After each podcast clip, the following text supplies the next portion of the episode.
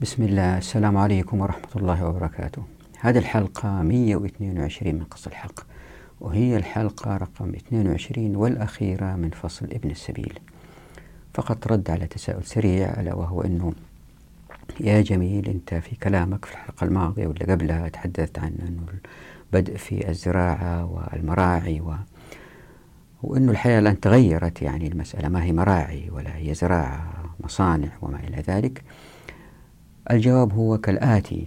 إذا تذكروا في فصل الخيرات تحدثنا عن المعادن وحق الناس استخراج المعادن وضربت في الفيديوهات السابقة الكثير من الأمثلة اللي تبين أنه للناس بعد ما يتمكنوا يتعلموا لأن هو هو طريق. في ناس يبدأوا في الطريق هذا من النص لأنه آبائهم آه، في وضع مالي جيد فيدرسوهم ويعلموهم. وهؤلاء آه، بالتعليم يقدروا يشاركوا في مشروع مستمر صناعي أو يبدأوا مشروع صناعي جديد لأنه الموارد موجودة والموافقات ما يحتاجوها من الدولة والمعرفة يقدروا يأخذها من أي مكان. يمكن واحد يخرج من شركة آه، وعنده المعرفة من تلك الشركة ويروح يسوي جماعة ثانية فيشاركوه هذول إلا آبائهم آه، درسوهم. لكن بالإضافة إلى هؤلاء الطريق مفتوح من الصفر. يعني تتذكروا مرة في أحد الحلقات الماضية قلنا في المفرخة هذه حقت الدجاج اللي يحطوا فيها البيض ويصير دجاج يفرخ يصير يصير دجاج. إنه الرسول صلى الله عليه وسلم جاء لسوق المدينة موقع قال هذا سوق المدينة اللي يجي أبدر له يحجز مكان ولا لا يفرض عليها خراج ما في ضرائب. ففي فرصة للإنسان المعدم أنه يروح في الصباح من هناك ويبدأ من الصفر.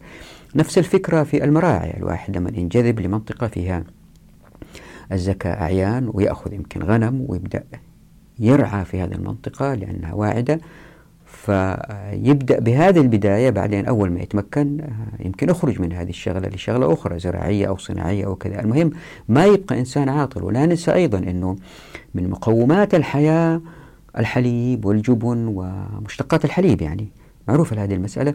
ف والجلود. فلن تستغني البشرية أبدا عن المراعي ولا هؤلاء اللي اشتغلوا في الراعي. وزي ما هو ثابت أيضا أنه هذول اللي يرعوا في أنعام متحركة من مكان إلى آخر أفضل إنتاجهم من اللي يحبسوا الأنعام في مكان واحد. فاللي بيصير إنه لن يبقى في الأمة عاطل ففي تشغيل كامل للأيدي العاملة. عندها تظهر الشركات اللي هي تصنع الطائرات وتصنع السيارات. وقلنا إذا تذكروا فصل الأموال إنه زكاة الطائرات طائرات وصعب إخراج طائرة واحدة فيجوا مجموعة فقراء يعطوهم طائرة كزكاة لهم ويبيعوها ويأخذوا مالها لأنه يكون في نظام في الأمة ذلك الوقت أنه مصانع السيارات تخرج زكاة سيارات وبالتالي ينتفي الاحتكار في السيارات هذه لأنه اللي يأخذوا السيارة كزكاة بيفككوها بيعرفوا كيف تشتغل. هذه المسائل نأتي عليها إن شاء الله في فصل آه المعرفة. فليس بالضرورة إذا تحدثنا عن المراعي والمزارع أنه الحياة تبدأ تبقى في الأمة رعوية وزراعية. لا الأمة تتطور. لا ننسى أيضا أنه آه، الأمة مع فتح الحدود وما في حدود وموضوع هذه الحلقة هو الحدود. قطع السبيل موضوع هذه الحلقة الحدود قطع السبيل وهي آخر حلقة. أنه الأمة وكأنها فيها شبكة إنترنت. ليش؟ لأن الناس لهم الحق يتنقلوا من مكان لآخر والناس ينقلوا الأخبار معاهم. هذا إذا ما في إنترنت الآن. طبعا في إنترنت وفي آه توصيل المعلومات أسرع وأسرع. يعني واحد آه يخرج من شركة ويحط كل خبراته يمكن في الإنترنت عن هذه الشركة فالمعرفة مجانا موجودة بس تبغى يشتغل ويحولها إلى منتجات. فعلى فرض أنه ما في إنترنت هذه في أسوأ الأحوال أنه الأمة الإسلامية أفضل من باقي الأمم لأنه ما في حدود ودائما في شبكة اتصال بين الناس. كيف كانوا يسافروا زمان أول؟ واحد يمشي 20 30 كيلو بعدين كذا بعد كذا يرتاح في محطة من المحطة ديك يقولوا له الطريق ترى كذا كذا كذا كذا ويمشي. لين ينتقل من منطقته اللي هو مسافر منها إلى منطقة بعيدة حوالي مسافة شهر هو ماشي كل يوم شوية كل يوم شوية.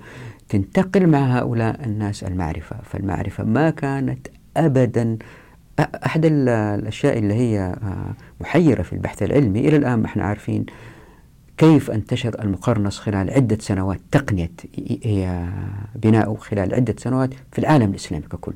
واحد قال قصيدة شعرية آه، بيمتدح فيها المقرنص. المقرنص هذا هذه السكونشز أو هذه آسف فسر الماء آه، هي البروزات الصغيرة عند مدخل المسجد أحيانا ففيها عملية انتقالية إنشائية آه، لنقل الأحمال بطريقة جميلة. يعني كان في مستشرق آه، معجب جدا بهذا المقرنص لدرجة أنه سمى مجلة علمية جيدة اسمها مقرنص آه، تصدرها جامعة هارفارد.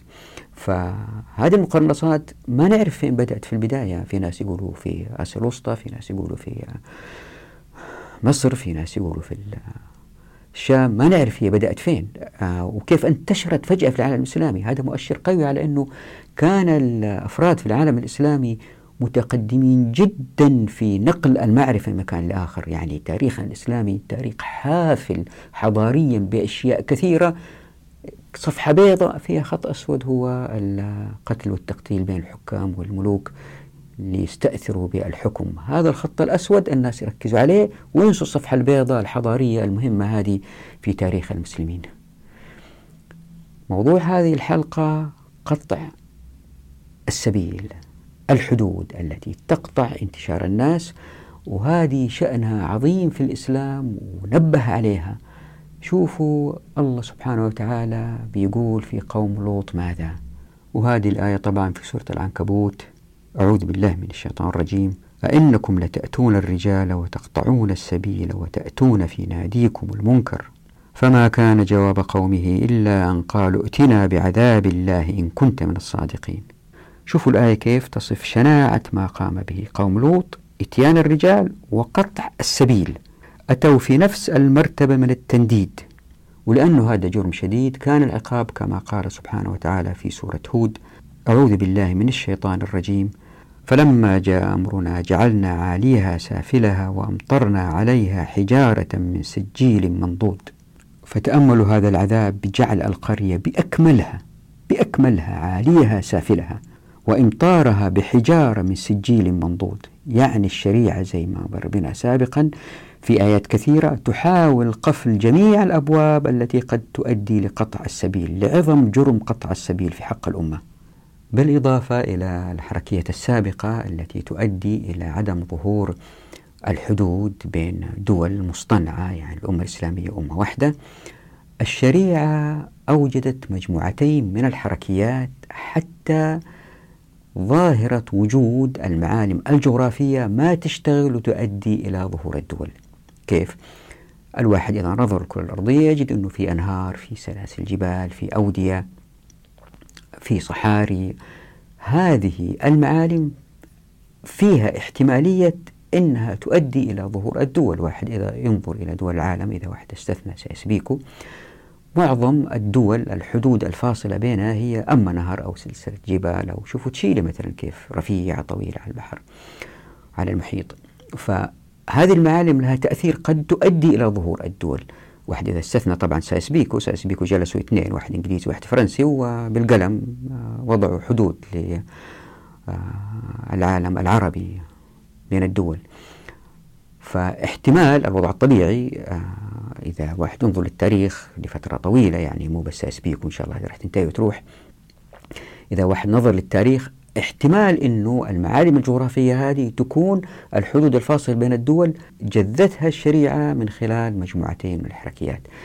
المجموعة الأولى تكافح ظهور الدولة تحت آه، سلطة آه، سلطان أو حاكم بمجابهة السلاطين. المجموعة الثانية من, الحركيات آه، مكافحة الأفراد اللي يمكن يقطعوا الطرق واللي يمكن يستقلوا بمنطقة معينة زي ما فعلوا القرامطة مثلا عندما استقوا جدا كقطاع طرق وتمكنوا من غزو مكة ونقل الحجر الأسود. بالنسبة للمجموعة الأولى من الحركيات فقد جاء في الترغيب والترهيب عن أبي سعيد وأبي هريرة رضي الله عنهما قال قال رسول الله صلى الله عليه وسلم ليأتين عليكم أمراء يقربون شرار الناس ويؤخرون الصلاة عن مواقيتها. فمن أدرك ذلك منكم فلا يكونن عريفا ولا شرطيا ولا جابيا ولا خازنا. يعني في هذا الحديث في مؤشر واضح أن الرسول صلى الله عليه وسلم بيحث الناس أنه إذا جو حكام وحط مؤشرين مؤشرين. أنه إذا جو حكام عندهم هذين المؤشرين لا تعملوا لهم. لاحظوا عشان ما تصير فتنة أنه الرسول صلى الله عليه وسلم ما قال أخرجوا عليهم وحاربوهم قال لا تعملوا لهم. ما هما هذين المؤشرين؟ الأول هو تقريب شرار الناس وفي هذا مثال على فقدان الأمانة وانحطاط القيم وسوء الأخلاق عند هؤلاء الأفراد والحكام أيضا. وهذول هم اللي بيعينوا السلطان في إدارة الحكم. والظرف الثاني أو المؤشر الثاني هو تأخير الصلاة. لاحظوا أن صلوات ربي وسلامه عليه لم يقل عدم إقامة الصلاة بل حددها بالتأخير والذي يعني بعض التهاون في الفرائض. ما يشير إلى البعد عن التوكل على الله وعدم اللجوء إليه والاستعانة به. ولأنه هذه مسألة مهمة خلينا أعطيها نوع من التفصيل. لاحظ أن الرسول صلى الله عليه وسلم وضع مؤشرين أو معيارين. أنه هذا السلطان قرب شرار الناس. وهذه واضحة يراها الناس بوضوح. يعرف أنه هذا شخص شرير. بتاع مثلا له زيطة وزنبريطة وموسيقى وما عارف إيش وقربوا الحاكم. والمؤشر الآخر أنه فقط أخر الصلاة عن موعدها. وهذه أيضا يراها الناس بوضوح لأنها ملموسة. الصلاة تأخرت. ليش الرسول صلى الله عليه وسلم وضع هذين المؤشرين؟ ليه؟ لأنه الكل يراهم بوضوح. واحد أفراد عارفين تاريخهم صاروا في منصب والآخر الصلاة اللي يصلوها دائما أتأخرت عن وقتها ووقتها واضح ومعروف.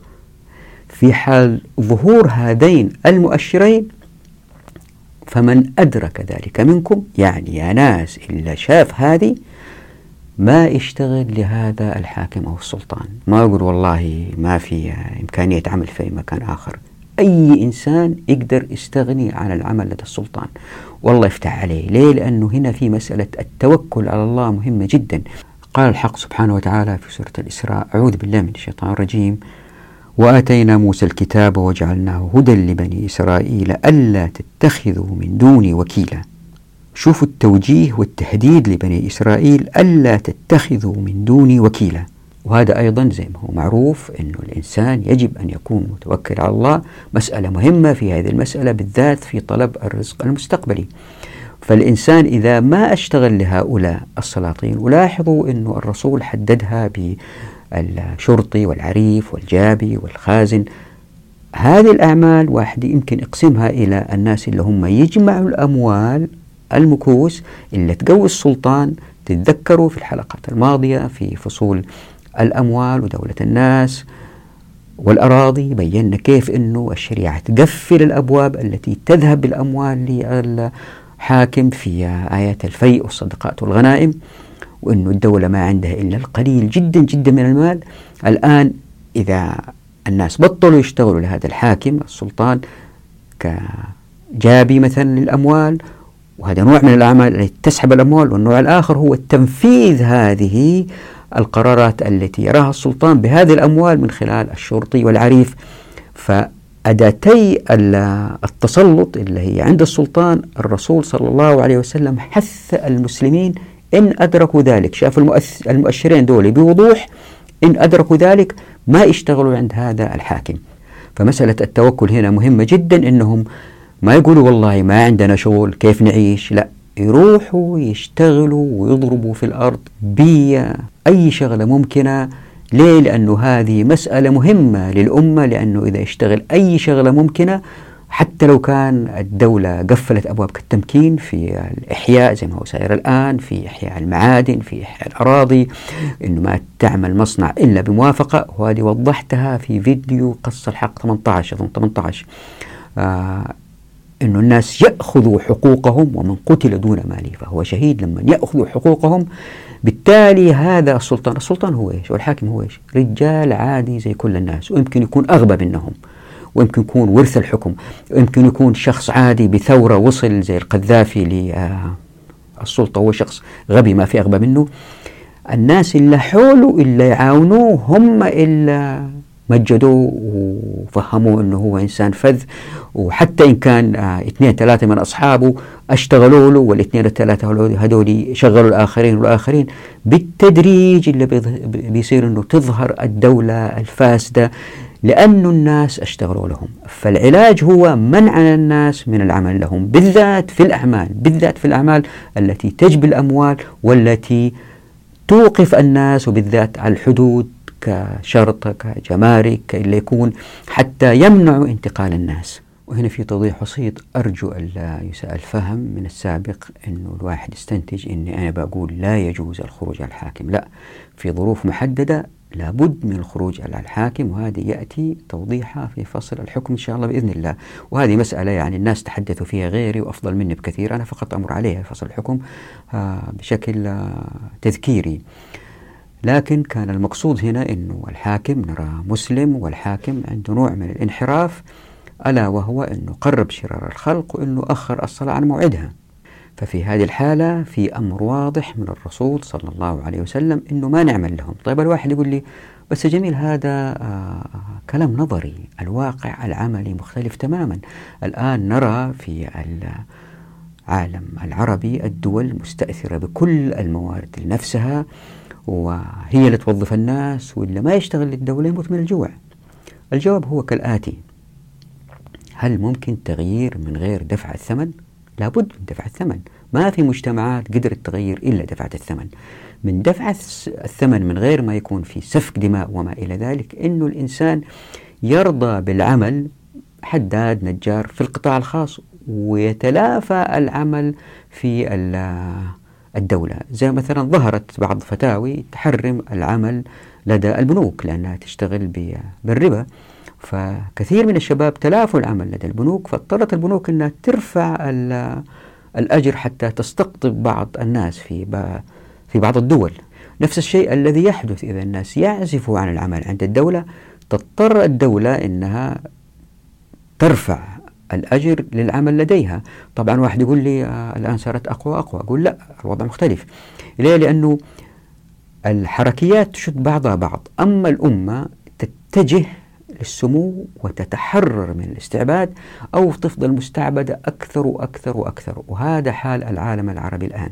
فلابد من البدء في منطقة ما للتحرر. ونقطة البدء هي والله أعلم آه زي ما وضحت في الحلقة 18 من قصة الحق أنه الناس يأخذوا حقوقهم. وهذه مرارا قلتها أنه من قتل دون مال فهو شهيد الواحد لما يحيي أرض إذا جاءت السلطة تحاربه في موقعه وهو دافع عن أرضه اللي أحياها وكل واحد يدافع عن أرضه اللي أحياها في مكانه الدولة تقدر على مين وتخلي مين ما لن تستطيع. وناس يحيوا معادن وناس يرعوا من غير إذن وناس يسووا مصنع من غير إذن. لاحظوا أنه الحدود لأنها في الأطراف هي النقاط الضعيفة لأنها بعيدة عن العاصمة. طبعا واحد يقول لي بس آه الدولة فيها هرم آه هيراركي يعني في تدرج هرمي.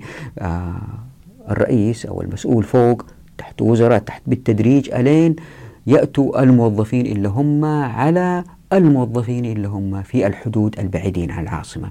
فالموظف اللي في الحدود عليه رئيس وهذا عليه رئيس وهذا رئيس حتى نصل إلى العاصمة فهو مسيطر عليه لا يستطيع أن يتهاون في عمله. حتى لو كان قبل العمل لدى الدولة إن فلت أمور الوقوف على الحدود هذه يعني قصر في واجباته راح يفصلوه فهو مضطر للعمل. لذلك لابد من دفع الثمن للأمة أنه لا تعملوا في هذه الحدود وهذه بداية من, من, من بدايات التحرر. طبعا هذا لا يأتي إلا بنشر الوعي بين الناس. الآن إذا واحد ينقل بضاعة مثلا من المغرب إلى الجزائر أو الجزائر إلى المغرب هو يحس بتأنيب ضمير أنه مخالف الأنظمة والقوانين. الحكومات هذه بينت للشعوب أو أقنعت هذه الشعوب أنكم أنتم لما بتخالفوا الدولة أنكم أنتم يمكن آه، كفرتوا بما أنزل الله في أسوأ الأحوال يعني يكبروا الموضوع. وبعض العلماء يقولوا لا آه، أطيع وماني عارف إيش.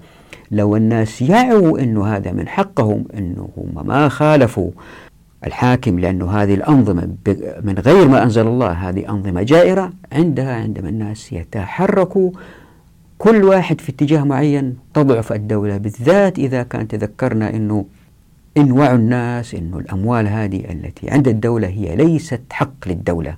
إذا انتشرت هذه الفكرة وإحنا في هذه المرحلة مرحلة الوعي اللي بيصير أنه بالتدريج تبدأ الأمة لأنه هذه الحركيات تشد بعضها بعض اللي هي الواحد يحيي من غير إذن الإمام واحد يستخرج معادن من غير إذن المسؤول واحد يفتح مصنع من غير موافقة. الواحد. يسافر مكان لمكان لو حاولوا يوقفوه يمكن يعني اللي يشتغلوا في الحدود كم واحد؟ واحد اثنين عشر عشرين ألف ألفين. السكان بالملايين. لن يستطيع أحد إيقافهم. طبعا هنا في إشكالية أنه مسألة النقد كيف الناس يتعاملوا بالنقد لأنه الدولة ماسكة الأموال. هذه يأتي توضيحها إن شاء الله في فصل الفصل والوصل لأنها مسألة مهمة جدا. كيف يمكن الناس يتعاملوا بالمقايضة وبالذهب أو حاجة آه، قيمتها فيها وليس الورقة النقدية اللي فيها الوعد بالسداد. هذا لا يمنع أنه آه، ظهور آه، أموال كنقد في أوراق هذا لا الإسلام لا يمنع ذلك. هذا يأتي توضيح في فصل الفصل الوصل المستعجل اللي حاب يقرأ يقفز إلى هنالك. فعندما تكتمل الصورة إن شاء الله في الحديث عن التعامل بالمقايضة أو بالذهب أو بعملات تصكها بنوك محلية أو مصارف محلية وليست بيد الدولة عندما كل هذه تركب على بعض تقتنعوا إن شاء الله بإذن الله أنه لن تظهر الدولة الفاسدة مهما كان لأنه الأمة واعية.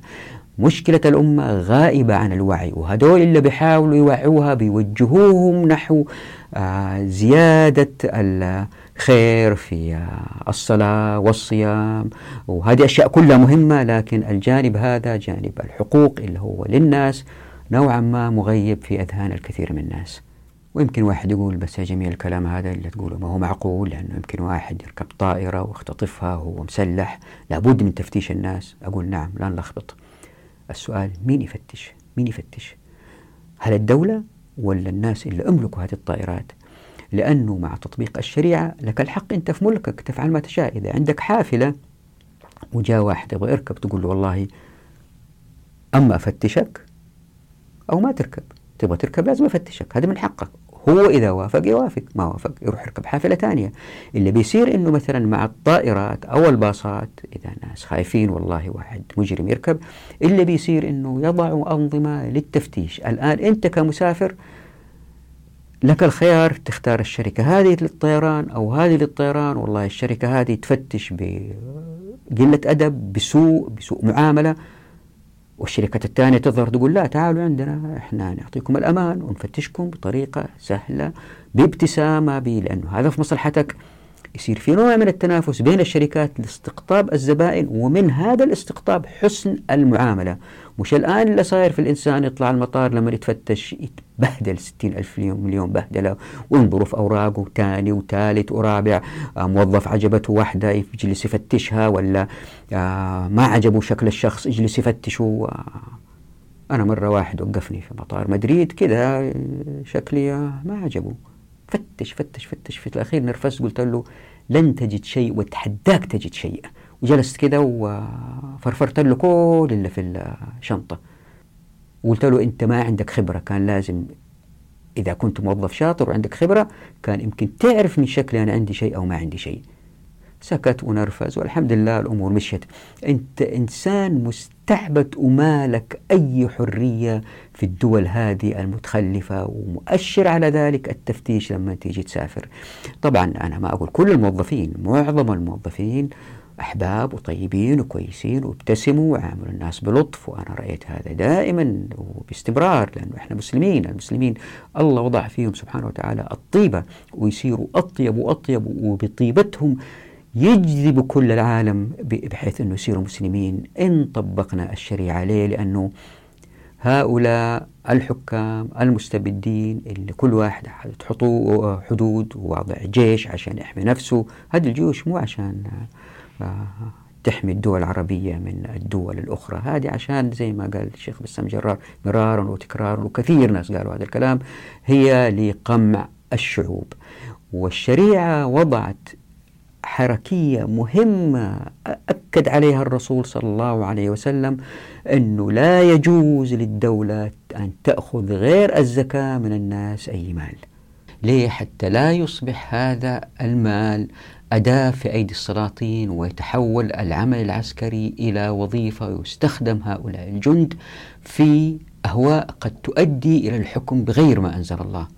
لذلك حذر الرسول صلى الله عليه وسلم من العمل كجابي وكشرطي وأداتي جني المال للتمكين من الاستبداد. فبالإضافة أن الآيات الثلاثة التي هي آية الغنائم والصدقات والفيء التي تسكر الأبواب للأموال التي تذهب إلى الدولة حذر الرسول صلى الله عليه وسلم عن المكوس. وفقط للتذكير بأهمية هذه المسألة يعني المكوس ومرينا عليها سابقا في حلقات سابقة. خلينا نمر على بعض الأحاديث. فمثلا جاء في كتاب الترغيب والترهيب أن ظبية نادت الرسول صلى الله عليه وسلم وهي موثقة فقالت أدن مني يا رسول الله. فدنا منها فقال ما حاجتك؟ قالت إن لي خشفين في هذا الجبل فحلني حتى أذهب فأرضعهما ثم أرجع إليك. قال وتفعلين؟ قالت عذبني الله عذاب العشار إن لم أفعل. العشار هو إلا يأخذ العشور من الناس. يعني إلا يقطع الطريق والناس ما يمروا ألين يدفعوا الفلوس. فأطلقها فذهبت فأرضعت خشفيها ثم رجعت فأوثقها. وانتبه الأعرابي فقال ألك حاجة يا رسول الله؟ قال نعم تطلق هذه. فأطلقها فخرجت تعدو وهي تقول أشهد أن لا إله إلا الله وأنك رسول الله. وهنا في الحديث في إشارة لطيفة أنه حتى البهايم تعرف أنه العشار عذابه شديد في الآخرة فما بالكم بالبشر. وعن عقبة بن عامر رضي الله عنه أنه سمع رسول الله صلى الله عليه وسلم يقول لا يدخل صاحب مكس الجنة. قال يزيد بن هارون يعني العشار. وقال الحاكم في الحديث صحيح على شرط مسلم. وقال البغوي يريد بصاحب المكس الذي يأخذ من التجار إذا مروا عليه مكسا باسم العشر. طبعا هنا الواحد يخطر على باله سؤال هو أليس هؤلاء موظفي الجمارك؟ وقال الحافظ أما الآن فإنهم يأخذون مكسا باسم العشر ومكوسا أخر ليس لها اسم بل شيء يأخذونه حراما وسحتا ويأكلونه في بطونهم نارا. حجتهم ضاحدة عند ربهم وعليهم غضب ولهم عذاب شديد. وفي رواية له في الكبير أيضا سمعت رسول الله صلى الله عليه وسلم يقول إن الله تعالى يدنو من خلقه فيغفر لمن يستغفر إلا البغي بفرجها أو عشار. يعني هذا إلا واقف في الحدود ويأخذ الجمارك. وزي ما هو معروف فإن جميع هذه المكوس في أيامنا هذه هي الحكومات لتذهب تحت مسميات للمتنفذين من المسؤولين. وطبعا هي ليست بس الجمارك لا كل الضرائب اللي تأخذ الدول هي مكوس. بحسب هذه الأحاديث اللي اشتغلوا فيها عشارين. فتأمل الآتي واربط المعاني.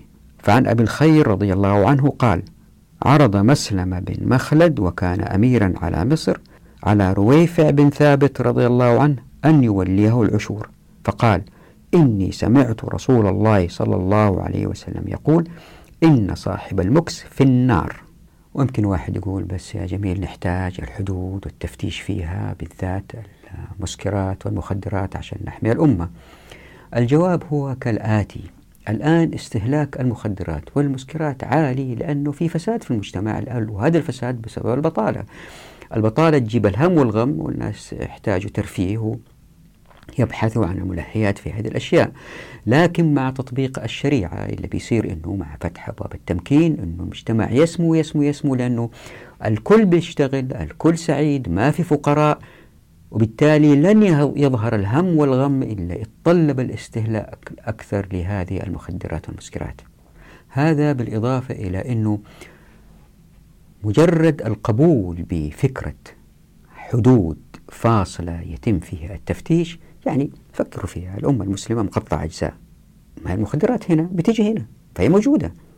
فالإشكالية هي ليست في نقلها هي أيضا في استحداثها. العالم الإسلامي بعض الدول بيستحدثوها بيزرعوها.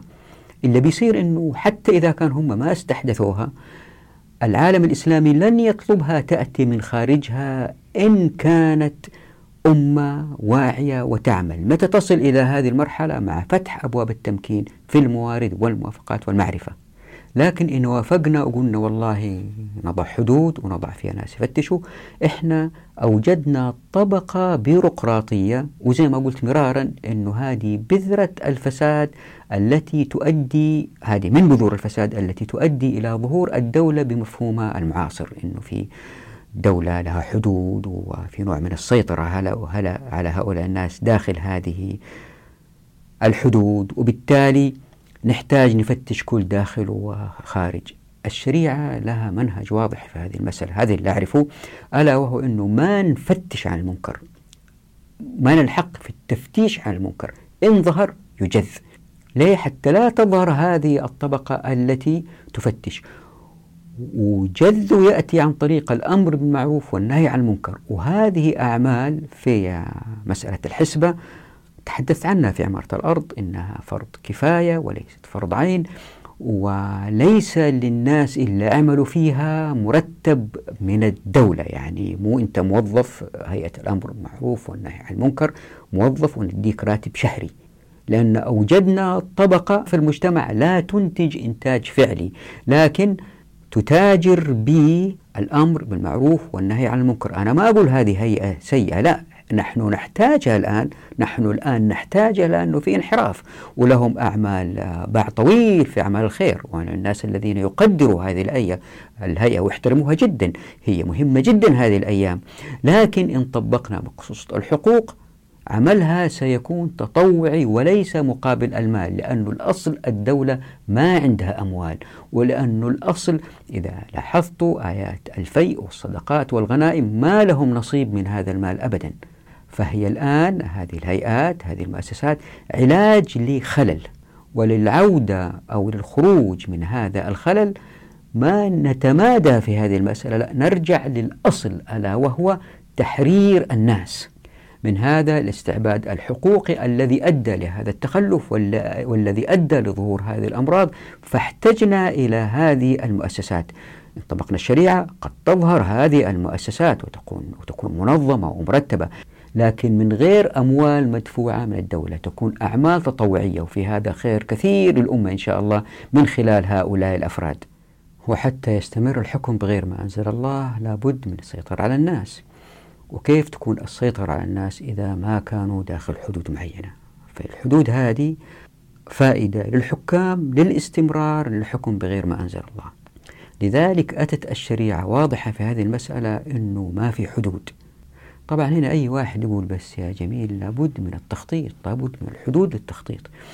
أقول أنه في إشكالية في عقول المخططين والاقتصاديين و أنه إذا ما في تخطيط وما في بالتالي أنظمة وقوانين تصير فوضى. يعني يصير في فراغ تنظيمي وتصير في فوضى. إلا بحاول أثبته في كتاب قصة الحق أنه لا الحقوق التي أتت بها الشريعة تحل في مكان هذا الفراغ إن لم تكن توجد أنظمة وقوانين تحل في هذا الفراغ وتعبيه بطريقة أفضل بحيث أنه تظهر مجتمعات قوية عزيزة منظمة مرتبة من غير الأنظمة والقوانين التي أتت من التخطيط من العقل البشري القاصر. فمثلا أعطي مثال هنا اللي تسوي الحدود أنها تفصل بين المناطق. تخيلوا مثلا حتى الاقتصاد ينتعش وهذا ثابت أنه الناس لهم الحركة.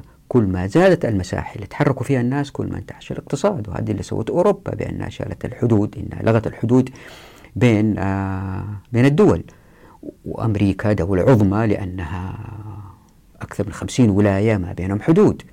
فاللي بيصير أنه حتى التخطيط يشتغل ويكون فعال لابد يكون في حدود للمنطقة التي يخطط لها اقتصاديا أو عمرانيا أو اللي يكون. هذه المنطقة عندما يكون لها حدود يقدر المخطط أنه يرى جميع المتغيرات داخل هذه المنطقة ويفكر فيها وينظر لها ويضع خطط مستقبلية. لكن مع تطبيق مقصود الحقوق اللي بيصير أنه الاقتصاد يزدهر. ليه؟ لأنه الحدود ما هي موجودة. فإذا كان تتذكر مثلا خلينا نقول آه تلمسان في شمال أفريقيا جنبها في مدينة أخرى جنبها مدينة أخرى كلها في شمال أفريقيا. كل مدينة ملاصقة للثانية ألين تصل إلى الجزائر تونس ليبيا مصر وتمشي تروح لسيناء وتمشي من هناك لفلسطين مدن فلسطين. كل مدينة متصلة باللي جنبها كل قرية متصلة باللي جنبها اقتصاديا. فما في عزل بل حركة اقتصادية في جميع الاتجاهات وبالتالي لن تظهر هذه الحدود التي تمكن الاقتصادي من أنه يمكن يدرس المنطقة اقتصاديا بالأنظمة والنظريات الغربية. هذا ما يمنع أنه تظهر نظريات من العالم الإسلامي في إطار دولة أمة من غير حدود. تنظر للمجتمع كيف أنه يستفيد أكثر اقتصاديا أن هو فعل كذا أو كذا أو كذا كإرشاد وليس كأوامر من دولة متسلطة. هنا في فرق أنه مع الإسلام مع مقصود الحقوق. الناس اللي اتخذوا القرارات الناس لهم الحق في اتخاذ القرار. لاحظوا أنه حديث الرسول صلى الله عليه وسلم كان واضح. أنه إذا شفت هذين المؤشرين تقريب شرار الناس وأنه أخروا الصلاة عن موعدها لا تعمل لهم. يعني الرسول بي بي بيقول لهم هذا الكلام صلى الله عليه وسلم في وقت أنه الناس لهم الحق في اتخاذ القرار. الأمة كلها إن طبقنا مقصود الحقوق هي قرارات أفراد تتراكم تتراكم تتراكم. الشريعة تجمعها من خلال مقصود الحقوق حتى المصلحة العامة الأكبر تظهر. نفس الشيء في الاقتصاد. ما في منطقة معزولة لوحدها ونخطط لها اقتصاديا لوحدها. هذه تونس لوحدها. ما يصير. لازم تتكامل مع ليبيا ومع الجزائر. وليبيا ما تصير لوحدها. تتكامل مع تونس ومع مصر. ومصر ما تصير لوحدها. تتكامل مع ليبيا ومع سيناء ومع فلسطين. وهلم جرة حتى كل العالم الإسلامي يصبح كتلة اقتصادية واحدة. عندها تصبح أمة يستحيل هزيمتها أو التعامل معها بعلوية. وهنا في مسألة تفصيلية لابد ننتبه لها لأنه في الشريعة في حق في توريث المال من المتوفي إلى الورثة.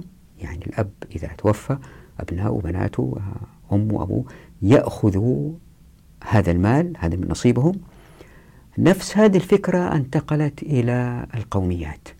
مثلا أرض معينة فيها غاز. سكان المنطقة هذه ظنوا الآخرين واقتنعوا أن سكان المنطقة هذه هم أحق بهذا المال من غيرهم. شوفوا الآية إيش تقول. يا عبادي الذين آمنوا إن أرضي واسعة فإياي فاعبدون. الآية واضحة في هذه المسألة. الله سبحانه وتعالى قال إن أرضي واسعة. ما قال أرض؟ المصريين أو القطريين أو المغاربة. ما قال. قال إن أرضي واسعة. الله سبحانه وتعالى هو اللي خلق هذه الأرض. فهو سبحانه وتعالى بيقول أعبدوني في هذه الأرض. يعني أتحركوا فيها. تأخذوا من الخيرات اللي فيها. وإذا كان لاحظتوا في فصل الخيرات عندما تحدثنا عن المعادن وفوق الأرض وجوا الأرض وقلنا أنه ما في تفريق بين جنسيات اللي يستخرج معدن يأخذ وذكرنا الأدلة في هذه المسألة والاختلافات بين الفقهاء وأنها كلها تتجه إلى أنه اللي يستخرج المعدن هو له باستثناء بعض الآراء الشاذة. فإذا أعدنا تثبيت هذه الفكرة في أفهام الناس أنه ليس المال أو الغاز الذي هو في قطر من حق أهل قطر بس لكن للناس اللي يمكن يأتوا ويسكنوا في قطر ويستخرجوها هذا حق لهم. عندها ستعتز الأمة ليه؟ لأنه بينتفي الفقر. ودائما قلت هذه وحاولت أكدها في البداية يمكن بعضكم ما اقتنع سأقتنع إن شاء الله بإذن الله في الحلقات القادمة أنه في مصلحة السكان في الدول الغنية أنهم يفتحوا الحدود يوافقوا على فتح الحدود للكل لأنه الأمة كلها تكون قوية وعزيزة. بعض الأغنياء الآن في الدول الغنية صحيح هم أغنياء لكن عندما يذهبوا للغرب هم أذلاء. مع فتح الحدود الأمة تكون عزيزة وبالتالي كل المسلمين يكونوا أعزاء. خليني أعطي مثال واحد وأنا بكتب هذا الفصل سنة 2008 لاحظت أنه ما مجموع 60% من ميزانية دولة الكويت مثلا أنفق على شكل مرتبات شهرية للموظفين. وزي ما أنتم عارفين ويمكن هذا زعل البعض لكن لابد من قول الحقيقة أنه الكويت من الدول التي إنتاجها الفعلي منخفض هي تعيش على النفط. بينما شعبي اليمن والصومال هم في فقر مدقع. طيب هذول مسلمين وهذول مسلمين. في تلك الفترة بعض أعضاء مجلس الأمة رفعوا اقتراح بأنه يعطى كل كويتي يزيد عمره عن 21 سنة قرض بمبلغ 10 ألاف دينار. وطبعا هذا يعادل ذلك الوقت دخل 800 فقير لمدة شهر كامل. بحيث يكون نصيب كل فقير دولار واحد في اليوم. وهذا كان حد خط الفقر ذلك الوقت.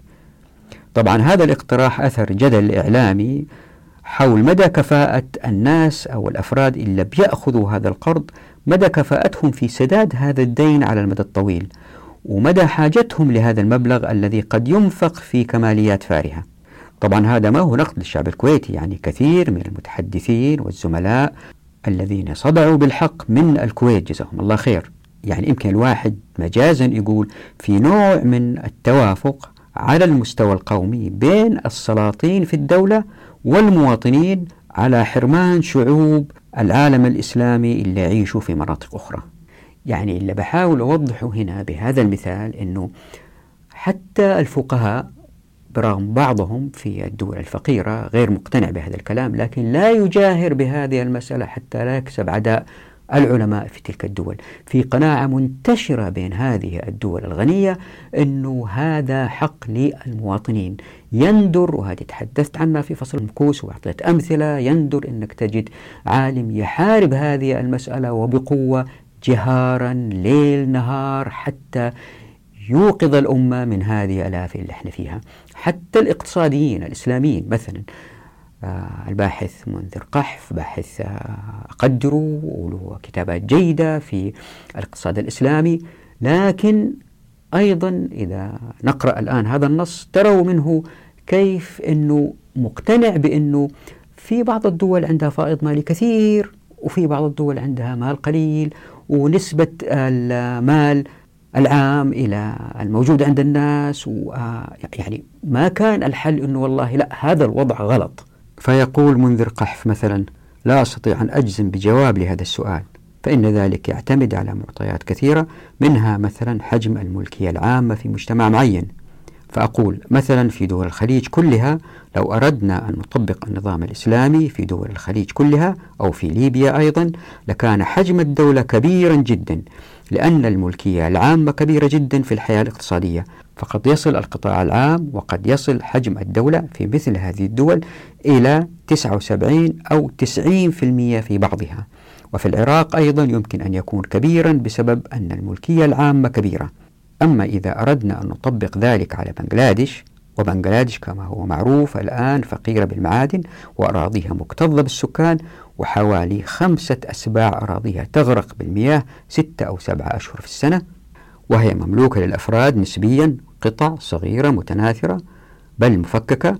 في دولة مثل بنغلاديش قد يكون حجم الدولة أصغر نسبيا بكثير مما هو عليه في دولة أخرى مماثلة لها ولكنها غير إسلامية.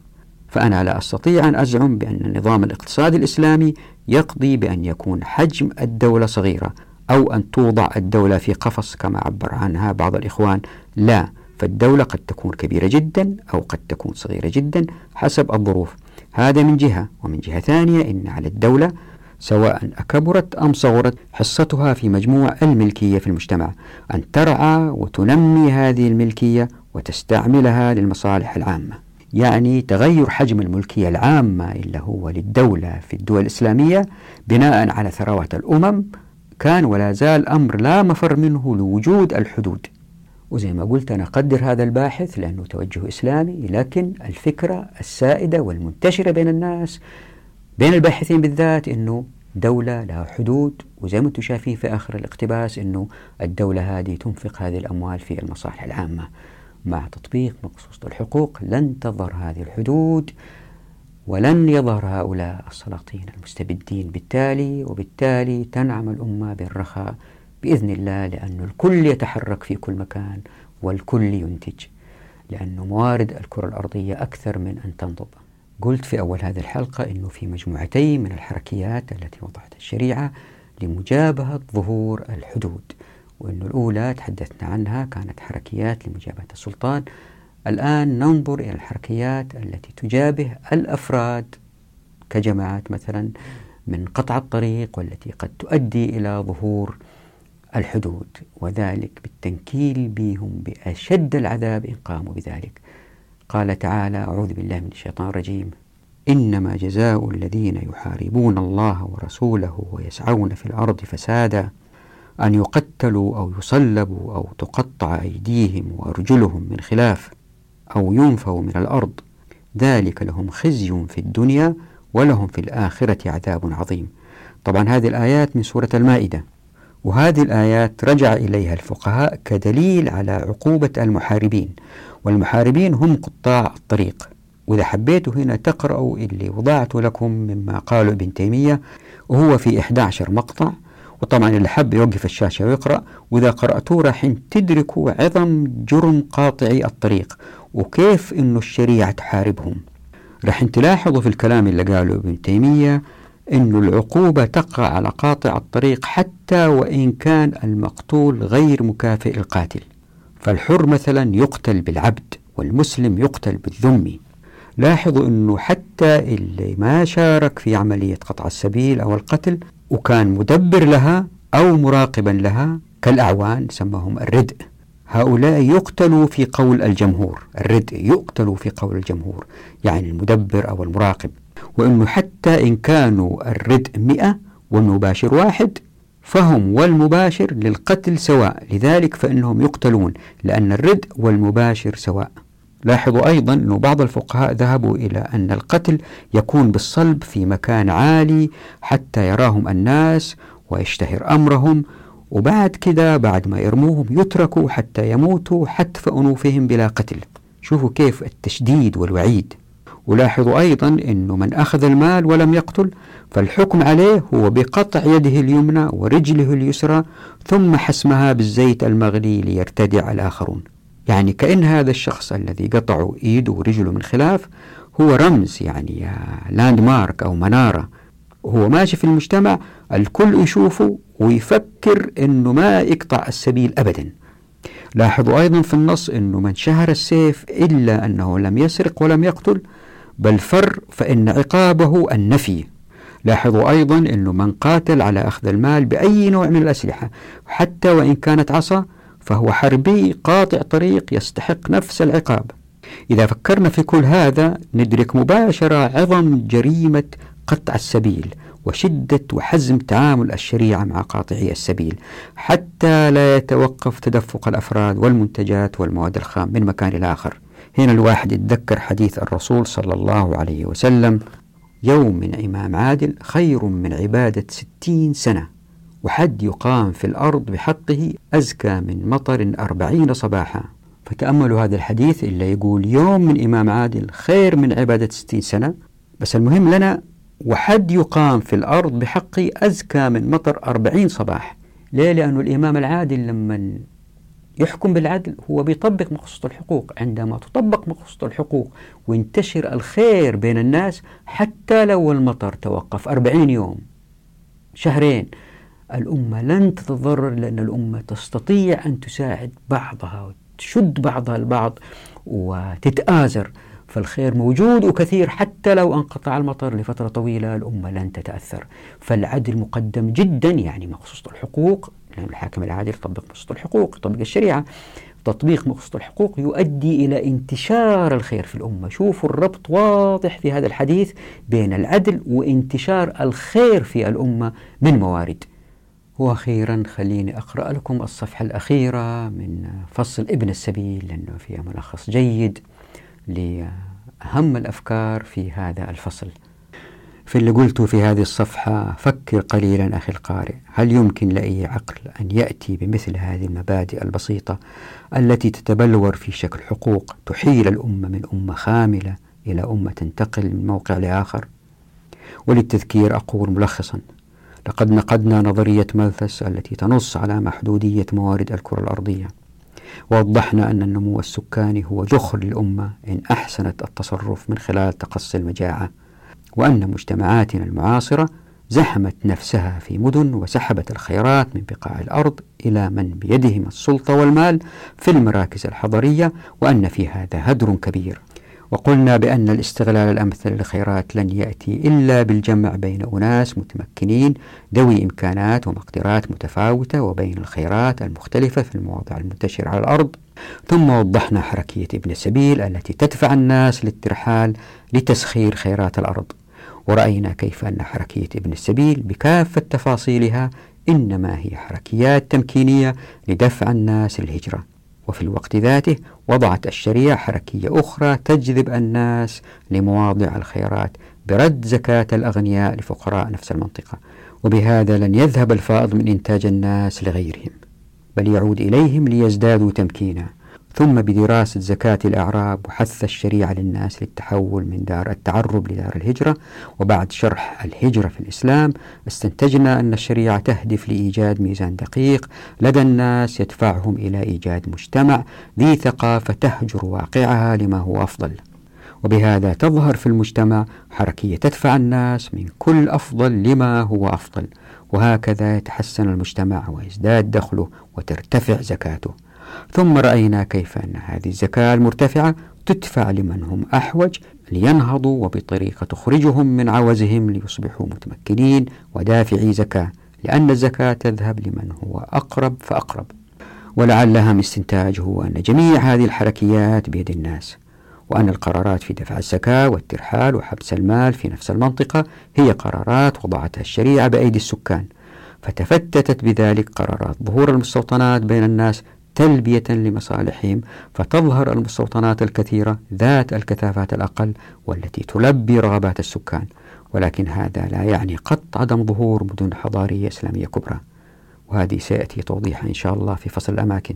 وإن أردنا أن نلخص هذا الفصل في جملة واحدة لقلنا إن التمكين لا يمكن أن يأتي لأمة إلا إن كانت أمة ذات ثقافة وعقلية منغمسة في مفهوم الهجرة من موقع لآخر أفضل. أي من عمل لآخر أفضل. وهكذا يسمو المجتمع إنتاجيا ليضمحل الفقر أي أن الاقتصاد في الإسلام ينفي فكرة الحدود بين الدول؟ فلا دول ذات حدود ولا جغرافية محددة تنقلب إلى حدود دولة بل هجرة في جميع الاتجاهات أي لا مسؤولي دولة خلف طاولات ولا جمارك ولا جوازات ولا حدود دولية ولا عقبات بل هجرة لمن استطاع.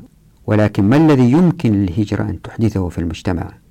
أقول ستزيد من نسبة عدد الملاك ما سيؤدي لظهور الشراكة كنمط تعاملي بين الناس. ما يزيد الإنتاج ويريح الناس دون تلويث بيئي وانحلال خلقي وهذا هو موضوع الحلقات القادمة في فصل الشركة والتي نبدأ فيها إن شاء الله في الحلقة القادمة. فصل مهم وراح يعجبكم إن شاء الله بإذن الله لأنه يوضح كيف للمجتمع المسلم أنه يكون إنتاجي بطريقة أعلى. في وضع نسبة الملاك فيه جدا مرتفعة وبالتالي الشركات هذه تكون مملوكة من الأفراد. هذا لا يعني أنه ما تظهر الشركات إلا يشتغلوا فيها ناس ما يملكوها لا. يأتي توضيحها إن شاء الله بإذن الله. نقف هنا نراكم على خير. في أمان الله ودعواتكم.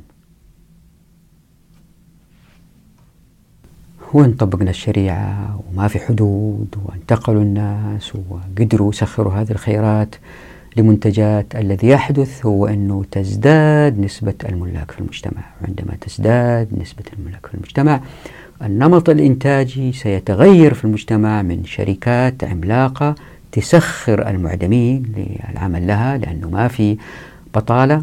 بالتالي النمط الإنتاجي يتغير تماما فتظهر الشركات وهنا أتت الشريعة بحكمتها وضعت حقوق للأفراد لما يشتغلوا كشركاء تؤدي إلى إنتاجية أعلى بكفاءة أعلى وهو الذي سنراه إن شاء الله في الحلقة القادمة في الحديث عن الشركة. ننظر إلى أنماط الشركات شركة الوجوه المضاربة الأبدان وما إليه من أنواع شركات. ندرسها إن شاء الله بالتفصيل حتى تروا كيف الشريعة معجزة في تحرير الأفراد من غير إيجاد ظلم ومن غير إيجاد تلويث للكرة الأرضية وهذا هو المهم. لن يستطيع البشر الحياة على الكرة الأرضية من غير تلويث إلا باتباع الشريعة. هذه راح تثبت لكم إن شاء الله بإذن الله. نراكم على خير في أمان الله ودعواتكم.